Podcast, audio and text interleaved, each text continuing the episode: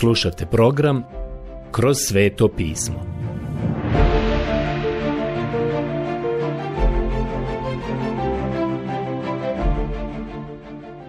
Knjiga Poslanica Galačanima Odlomak Poslanica Galačanima Poglavlje 4 od 9. do 31. stiha Prijatelji, danas se vraćamo na četvrto poglavlje poslanice Galačanima.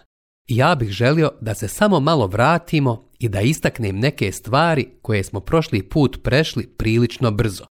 Na primjer, želim se vratiti skroz do devetog stiha. Apostol Pavle tamo kaže sljedeće.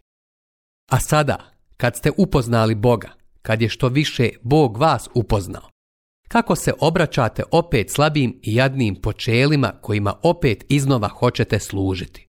Poslanica Galačanima 4.9 Kad ste upoznali Boga, to zapravo znači biti odobren od Boga ili biti priznat od Boga.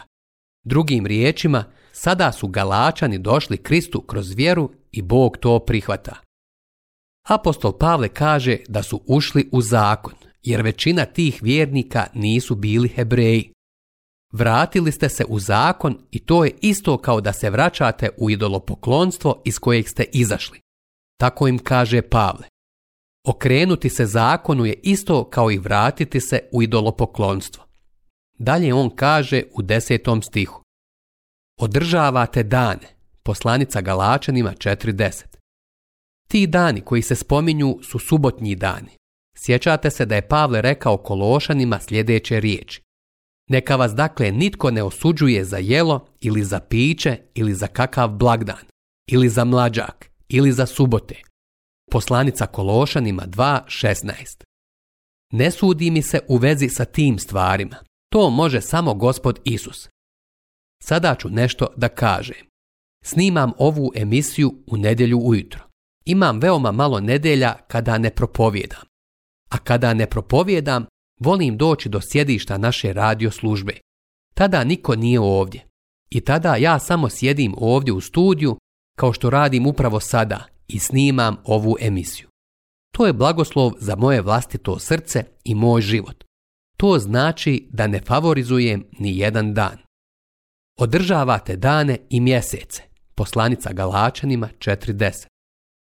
Mjeseci koji se ovdje spominju se odnose na mlade mjesece na koje su ljudi u ondašnje vrijeme veoma obraćali pažnju.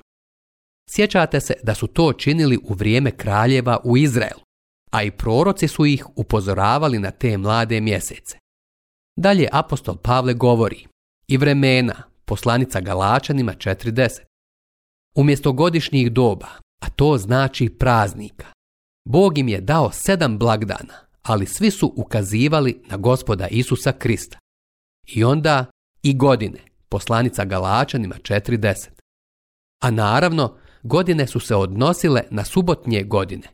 Time bi se Galačani potpuno vratili pod zakon. Biću sada direktan.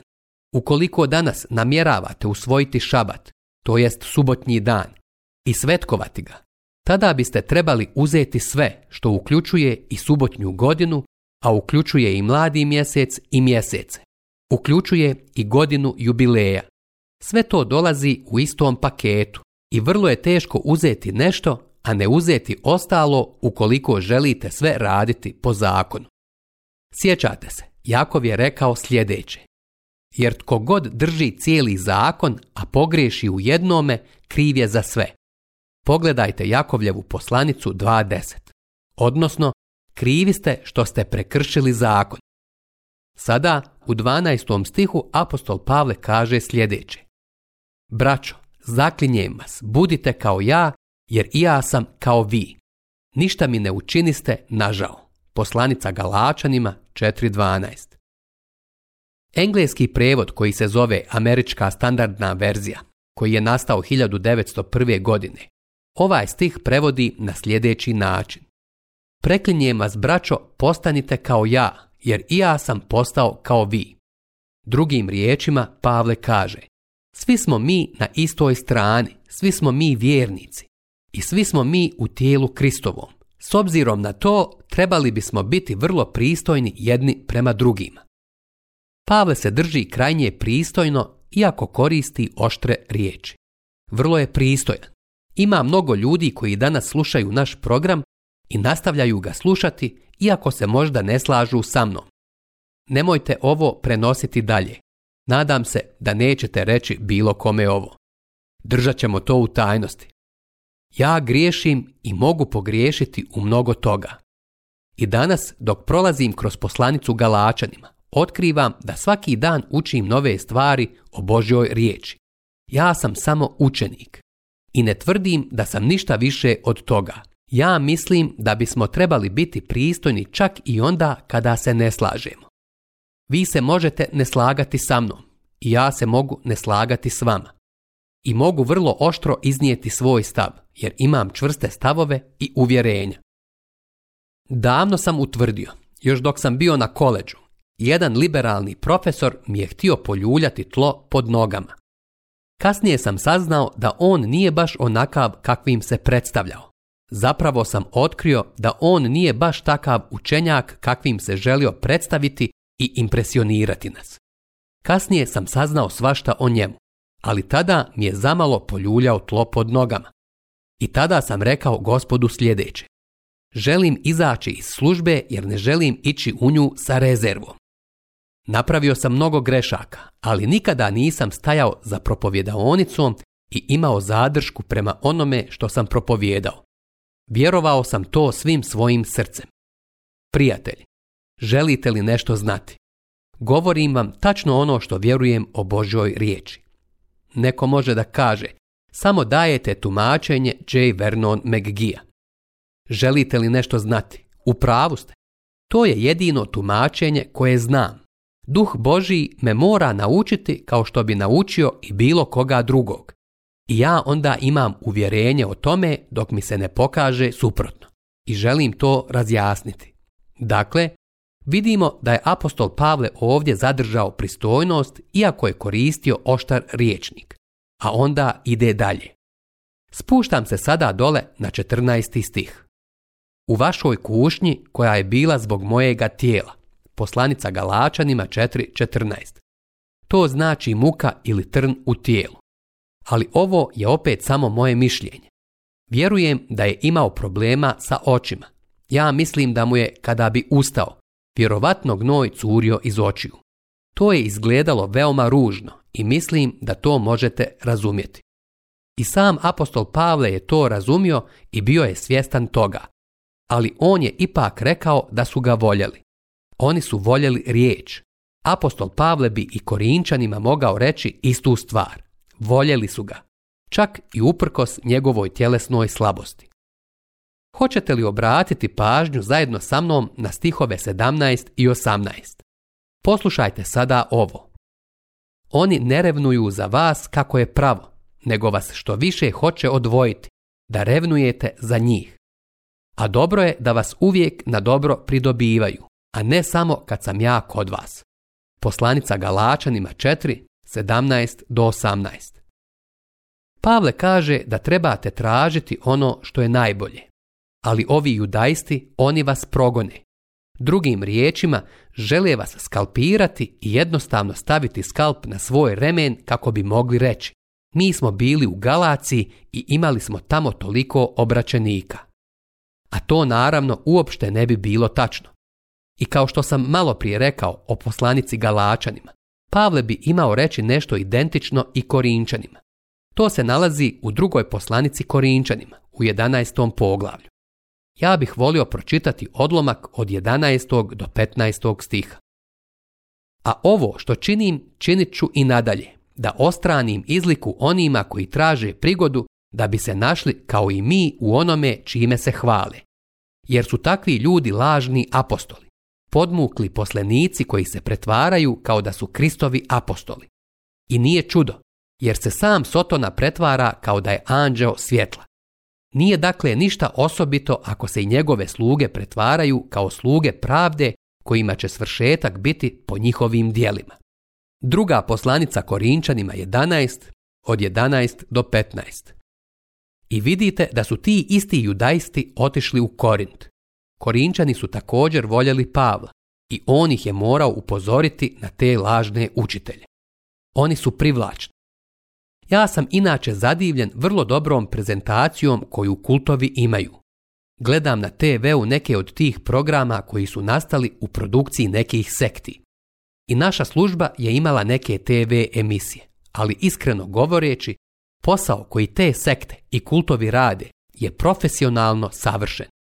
Oni to rade veoma dobro i suptilno. Sve je privlačno. Sve je lijepo za pogledati. A oni koji su u tim programima veoma privlačni jesu pojedinci. A naravno, to je ono što je potrebno. U njihovim programima zapravo postoji određena doza istine. Čuo sam jednog čovjeka koji je u kultu, a koji je zapravo liberal, kako priča božićnu priču u vrijeme Božića. Vjerujte mi, Niko to ne bi bolje ispričao od njega. On je obavio izvrstan posao, ali onda je počeo tumačiti Božić. Ja mislim da taj čovjek uopšte ne vjeruje u djevičansko rođenje i uvjeren sam u to da ne vjeruje. Vidimo danas da je Pavlovo upozorenje upućeno Galačanima i Korinčanima bilo sasvim na mjestu. Nadam se da možete vidjeti zašto sam se vratio na ovo, jer je veoma važno. Pavle je sada nježan i upoređuje se sa majkom. Poslušajte ga šta govori u 19. stihu. Dječice moja koju opet s mukom rađam dok se Kristovo obličje ne ustali u vama. Poslanica Galačanima 4.19 Sada se obraća onima koji su nanovo rođeni. Ja ne mislim da on dovodi u pitanje novo rođenje, ali Pavle je ovdje želio biti prisutan kod njih on kaže sljedeće. A htio bih sad biti uz vas te izmijeniti svoj način govora, jer sam u nedoumici s obzirom na vas. Poslanica Galačanima 4.20 Želio je biti prisutan kako bi mogao govoriti drugačije, direktnije i oštrije. Bio je zabrinut za njih. On ovdje koristi oštre riječi, ali i dalje možete vidjeti da on ima nježno srce oni zapravo i nisu stvarno čuli zakon, niti bili upoznati sa njim. Pročitat ću sada stih 21. Kažite mi, vi koji hoćete da budete pod zakonom, ne slušate li zakona? Poslanica Galačanima 4.21 Ja bih želio da i vi danas čujete šta je zapravo zakon, jer mnogi koji stalno pričaju o deset zapovjedi ili govore o nekom pravnom sistemu, ne izgledaju kao da su sasvim upućeni u to o čemu govore.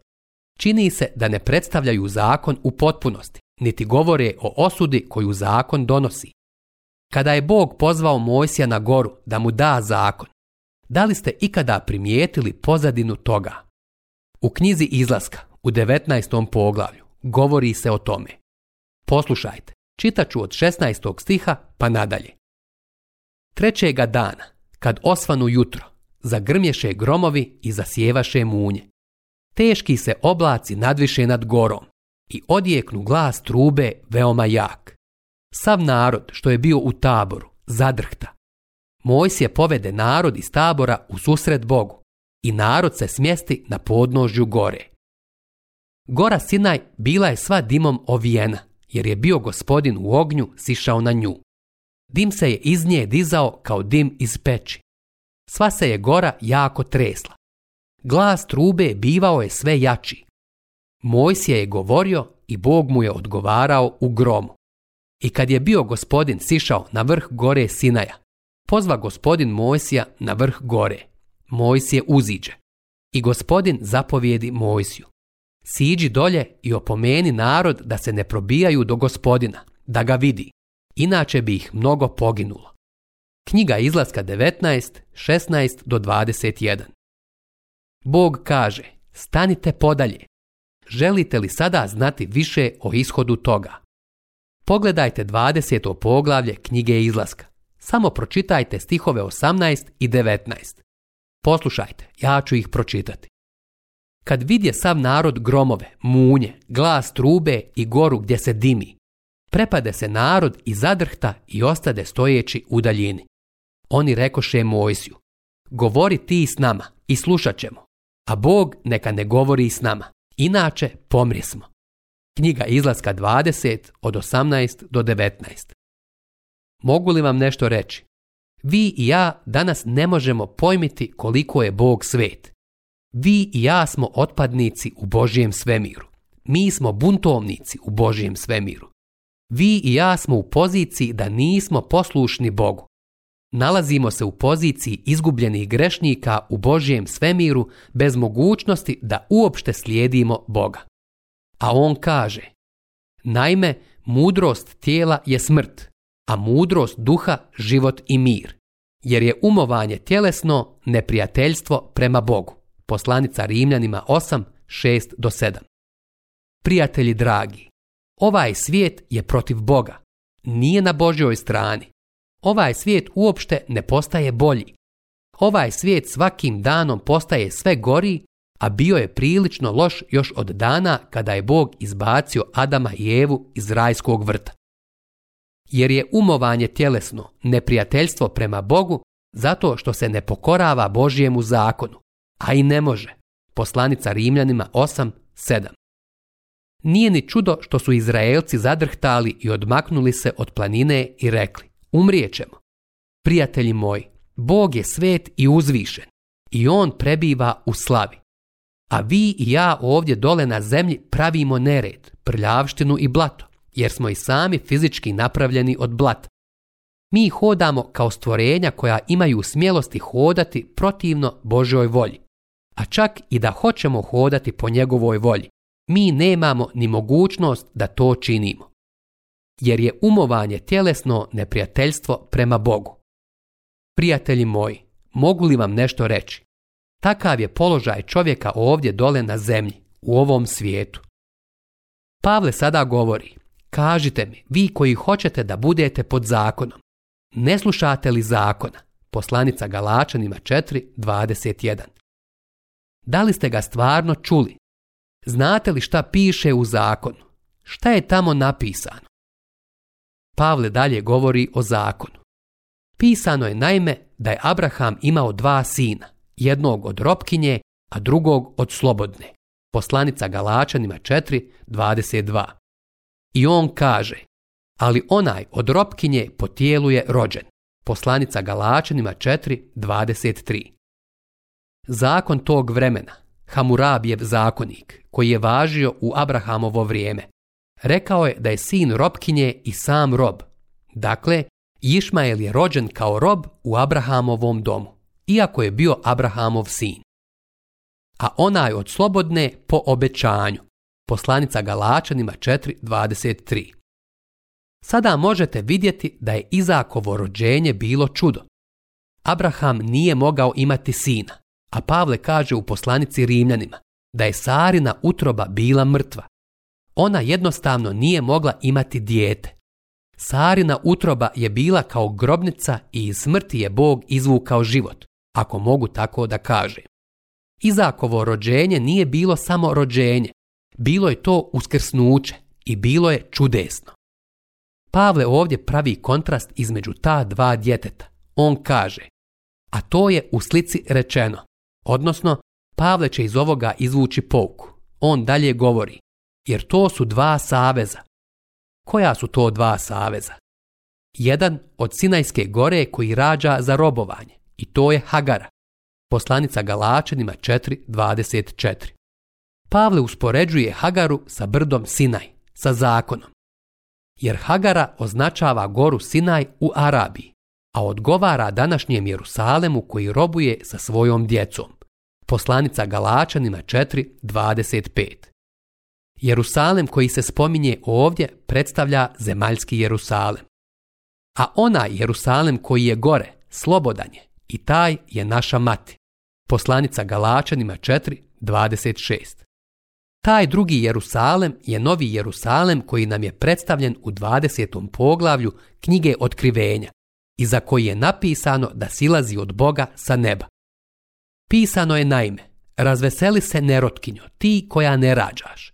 Klikni i poviči ti koja ne trpiš muke poroda, jer ostavljena ima mnogo više djece nego li ona koja ima muža.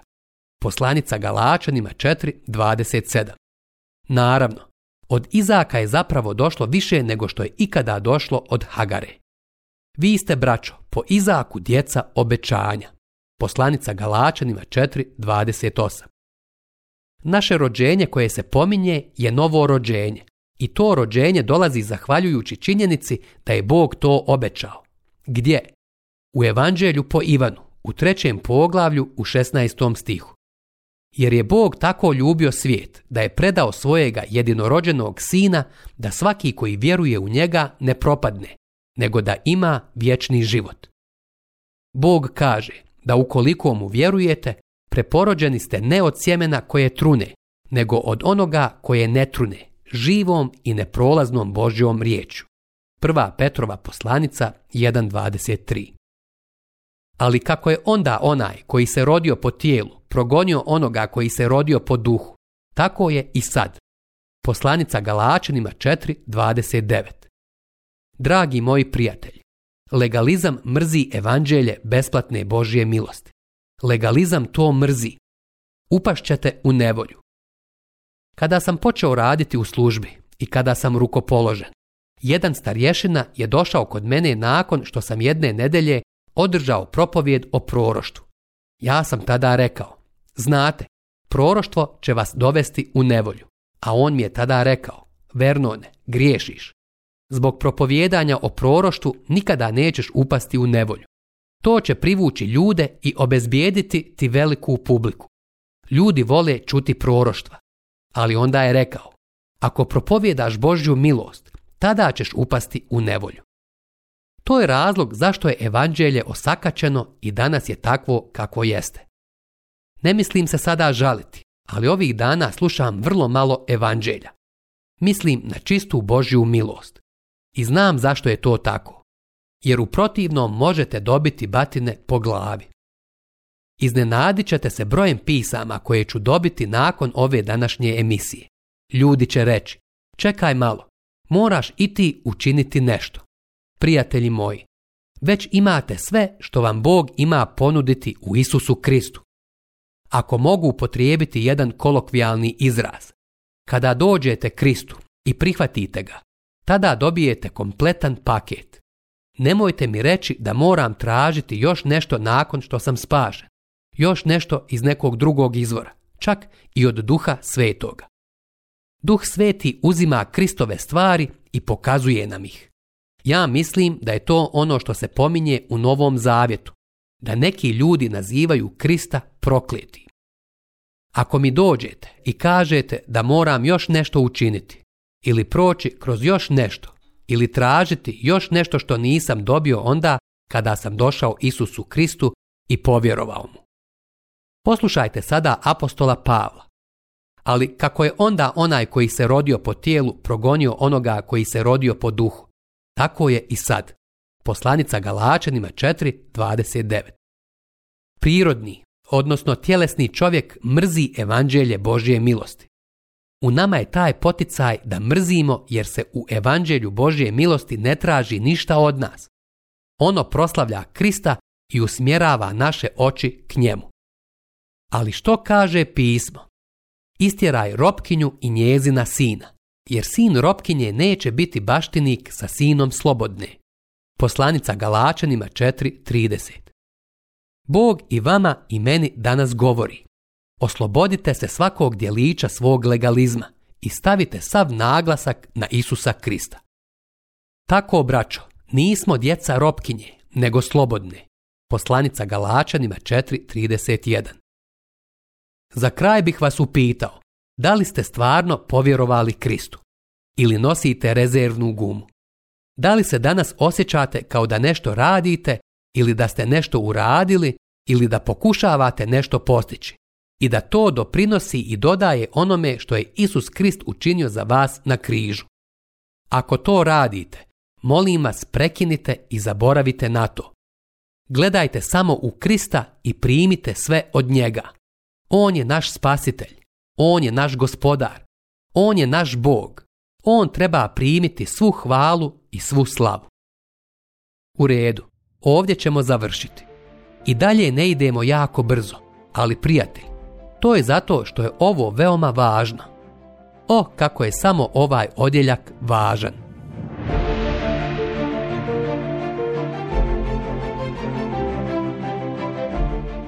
Slušali ste emisiju Kroz sveto pismo. Možete nas slušati i na našem YouTube kanalu putem mobilne aplikacije te na svim glavnim podcast platformama kao što su Google, Apple i Spotify. Ako vam se naši programi dopadaju, preporučite ih i podijelite s drugima. Budite slobodni da ostavite svoj komentar ili nam pišite na našu e-mail adresu kroz sveto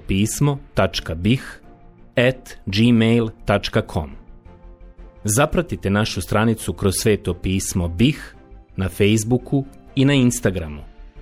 Emisije iz ove serije možete pronaći na našoj stranici ttb.com www.r.org